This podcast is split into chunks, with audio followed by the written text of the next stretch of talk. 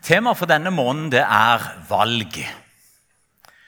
Og eh, et av de spørsmålene som jeg har stilt meg, og som veldig mange kristne spør seg, det er Er vi fri til å velge å leve som vi vil som kristne?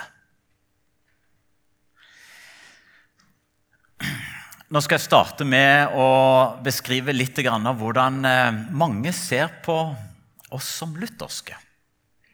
For når vi skal som lutheranere starte med å si noe om hvor frihet vi har, og hvilket valg vi har til å leve som vi vil, så starter vi ofte i Romerne kapittel 7, og der sier Paulus Det jeg vil, gjør jeg ikke. Og det jeg avskyr, det gjør jeg. Viljen har jeg, men å fullføre det gode makter jeg ikke. Det gode som jeg vil, gjør jeg ikke, men det onde som jeg ikke vil, det gjør jeg. Har du hørt mange forkynnere si vi kristne, vi er syndere? Vi er noen ordentlige syndere. Men takk og lov. Heldigvis så er det noe som heter nåde. Og Jesus han tilgir oss når vi tror på ham. Og Som Paulus sier i Romane 5, 20, der synden ble stor, ble nåden enda større ja, så er det vel bare da å akseptere at eh, jeg ikke greier å kjempe mot synden. Da er det vel bare å akseptere at sånn er det bare. Og så kan vi trøste hverandre med, Romerne 8,1. Så er det da ingen fordømmelse for dem som er i Kristus Jesus. Amen. Amen? Men vent nå litt. Alt er vel ikke dermed sagt om det kristne livet? Er det det?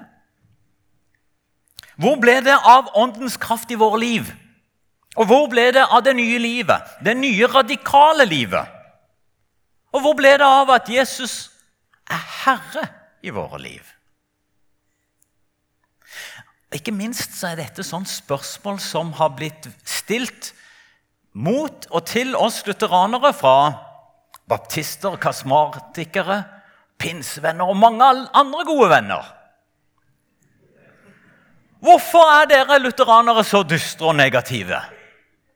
Og så sier de Hvorfor er det alltid bare denne her? Vi er så store syndere, men takk og lov til Gud for Hans nåde. Amen. Jeg er bibelforsker på Fjellhaug.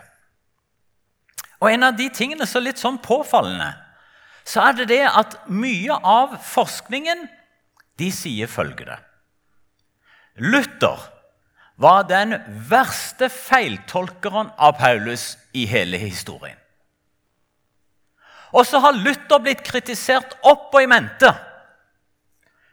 Og så har han blitt litt sånn mindre og mindre frimodig som luthersk bibelforsker.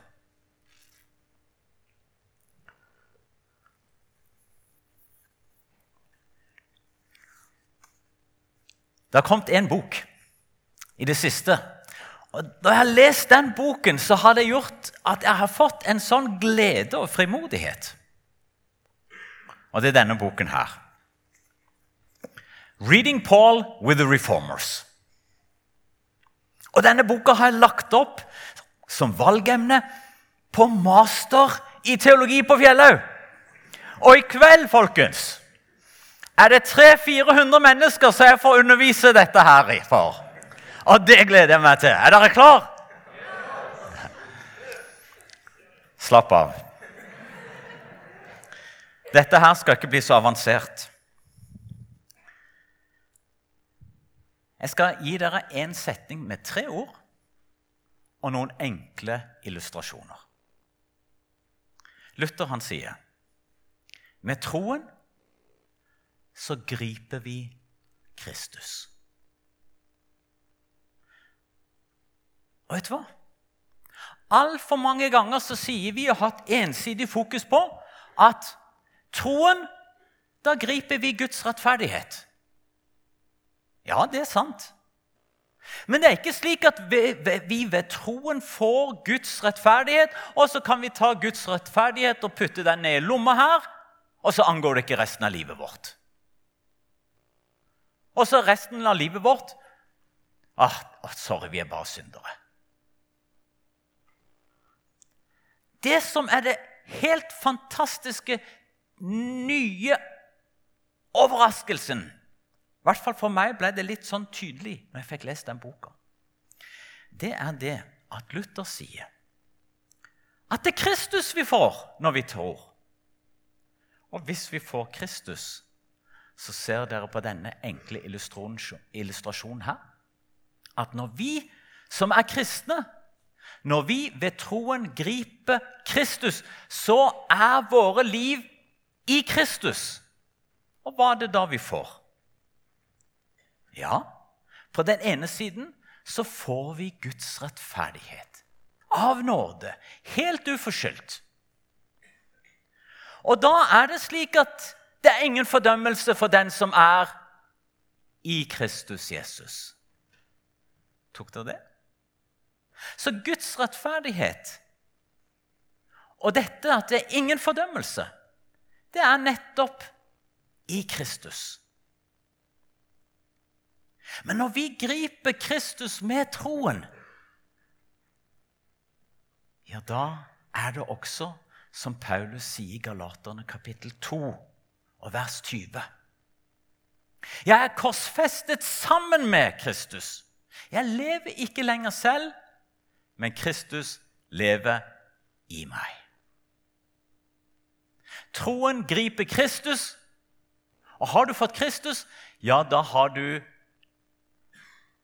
blitt rettferdig for Gud. Du er himmelen verdig, ren og rettferdig. Og da er det takk og lov for det. Men så er det også det at hvis du har grepet Kristus, ja, da har Kristus også grepet deg, er det ikke sant? For han lever jo i deg, da. Og du kan ikke unngå. Og da er kanskje det store poenget her i kveld Kan vi som kristne velge å leve som vi vil? Nei. Ganske enkelt fordi Kristus lever i deg. Og hvis ikke Kristus lever i deg, ja, da har du ikke fått grepet han ved troen. Så den kristne er faktisk ikke fri til å leve akkurat sånn som du og jeg vil. For har du valgt Kristus, og har du grepet ham, da er Kristus herre i våre liv. Da lever han som en nærværende kraft i oss. Og da er det det Jesus vil, som er det som skal styre og forme og prege våre liv. Og da er det slik at Luther sier at et nytt, radikalt liv både kan og det må leves. Du har ikke valg. Og så bruker Luther et bilde av deg og meg så akkurat som vi er grener på vintreet, som Jesus sier i Johannes 10. Hvis du er en gren på vintreet, så må det med nødvendighet flyte safter fra treet ut i grenene, slik at du bærer frukt. Det er ikke sånn at grenen plutselig sier Nei, det, det Og hvis ikke det er noe frukt, så brekkes den av og brennes opp. Du har ikke valg.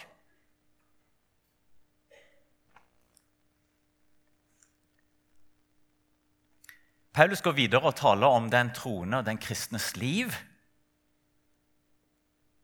For alt er ikke dermed sagt med det som vi leste og så på den illustrasjonen. For han taler og bruker et bilde på det kristne livet. For han sier at den troende, du og jeg som kristne, vi har kledd av det gamle mennesket. Du og jeg har noe som heter gamle Adam. Kjødet kaller Paulus det òg. Men du og jeg som kristen, når vi er blitt korsfestet sammen med Jesus, og jeg ikke lever lenger selv, men Kristus lever i meg, da har jeg kledd av meg det gamle mennesket.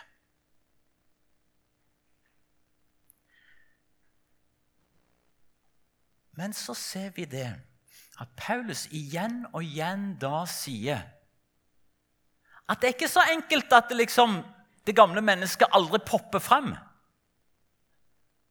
For jammen gjør det det. Jeg er sikker på at du har ganske mange smertelige erfaringer over at det ikke var så lett å leve som kristen. Og da sier Paulus i kapittel 3 i Kolosserne La det jordiske i dere dø. Det er noe som må dødes. Og det er liksom ikke noe som er gjort en gang for alle. Dette jordiske mennesket i oss. Ja, når vi er i Kristus, så har vi kledd av. Men det må kjempes hver en dag. Du må dø. Og det er noe i oss som skal dø hver en dag, sier Luther når han leser denne teksten her fra Paulus. Og så bruker Paulus dette fantastiske bildet også om at ja, vi har jo iført oss, vi har jo kledd på oss noe. Vi har kledd på oss et nytt menneske. Jeg lever ikke lenger selv, men Kristus lever i meg. Ånden lever i meg. Kle det på deg! Og så handler det kristne livet dag for dag om å kle av seg noe, det gamle mennesket, og kle på seg det nye mennesket. For at det som er sant i Kristus, virkelig skal kunne leves ut.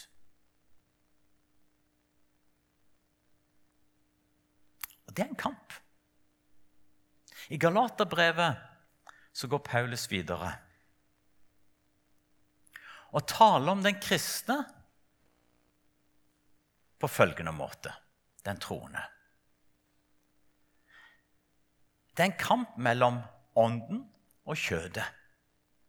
De står i kamp med hverandre. Og Jeg er helt sikker på at du som har prøvd å leve det kristne livet, du har kjent på denne her kampen.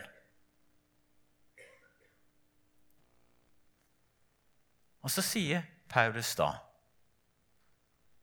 Det kristne livet det handler om å så. Han bruker et bilde der igjen. Du skal så noe. For når du sår noe, så er det et frø, og da vokser det frem noe. Men hva skal du så i? Så i ånden, sier Paulus. Eller vi kunne også sagt så i Kristus. La Kristus vinne skikkelse i dere, sier Paulus ellers. La det Jesus få vokse og prege deg og meg mer og mer. Så ikke i kjødet, sier han også. For hvis du sår i kjødet, så høster du fordervelse av kjødet. Sår du i Ånden, høster du evig liv av Ånden. Da er det ikke slik at Paulus sier å, hvis vi sår i Ånden, så fortjener vi evig liv. Det det Paulus sier, det er La Ånden få rom i dere. For da er det Ånden som virker det. Jeg lever ikke lenger selv, men Kristus lever i meg. Jeg lever ikke lenger selv, Ånden lever i meg. Så er det Ånden som virker. Så er det Kristus som virker det, da. Så er det ikke noe jeg fortjener, som jeg kan skryte på meg. Men all takk og pris og ære skal gå da til Gud, til Jesus, som virker i oss med sin levende ånd.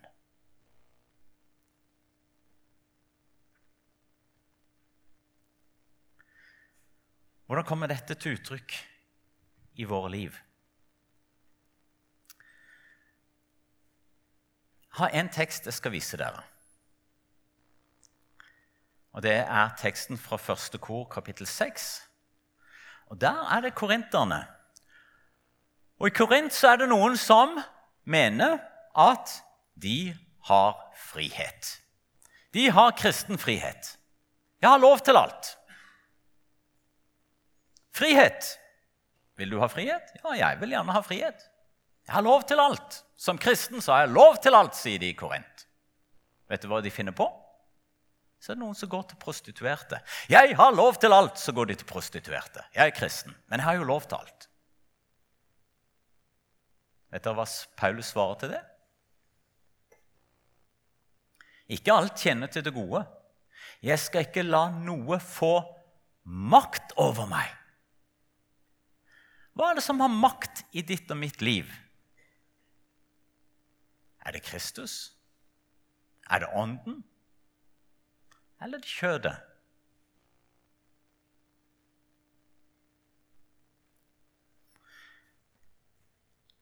Og så er det noen som da i den anledningen sier og bruker et bilde. Maten, den er til for magen, og magen er til for maten. Det er jo så naturlig. Hvis du er sulten, så spiser du. Vil du ha sex, så har du sex. Kroppen trenger det. Kroppen vil ha det. Det er det naturligste av alt. Henger det med på argumentet? Hva svarer Paulus til det? Vet dere ikke? Vet dere ikke at kroppen deres er Kristi lemmer? At kroppen deres er et tempel for Den hellige ånd som bor i dere. Vet du hva? Hva er det naturlige hvis Kristus bor i deg? Hva er det naturlige hvis Ånden bor i deg? Da blir det spørsmålet på en litt annen måte. Og Sånn er dette her på mange forskjellige områder. Bare denne teksten viser det så på en så direkte måte. Det er så mange ting i våre liv hvor vi gjerne sier ah, jeg vil ha frihet til både det ene og det andre. Og leve livet sånn og sånn. Spørsmålet er hvis Kristus bor i deg, hvis Ånden bor i deg, hva er det naturlige at du da gjør med dine penger? Hva er det da naturlige du gjør med måten du snakker om andre mennesker på? Hva er da det naturlige du gjør med ærlighet og sannhet og det som er godt? Vet dere ikke? Du som er kristen. Kristus bor jo i deg. Ånden har tatt bolig i deg. Og det betyr at ditt og mitt liv, det lever vi på en annen måte. Ut fra helt andre kriterier, ut fra et helt annet perspektiv, ut fra hvordan Gud vil. Og det er nettopp det Paulus da sier til slutt. Bruk da kroppen deres til Guds ære. Lev livet til Guds ære. Det er det som du og jeg utfordres til her i dag. Og det er ikke snakk om krampaktig å ta seg sammen. Det er ikke snakk om at prøve at vi skal forandre på kjødet vårt, på gamle Adam, på det gamle mennesket. Det det er snakk om, det er Kle på deg Kristus. Så i ånden. La Jesus få vokse frem i ditt liv. La ånden fylle deg. Lev til Guds ære. Amen.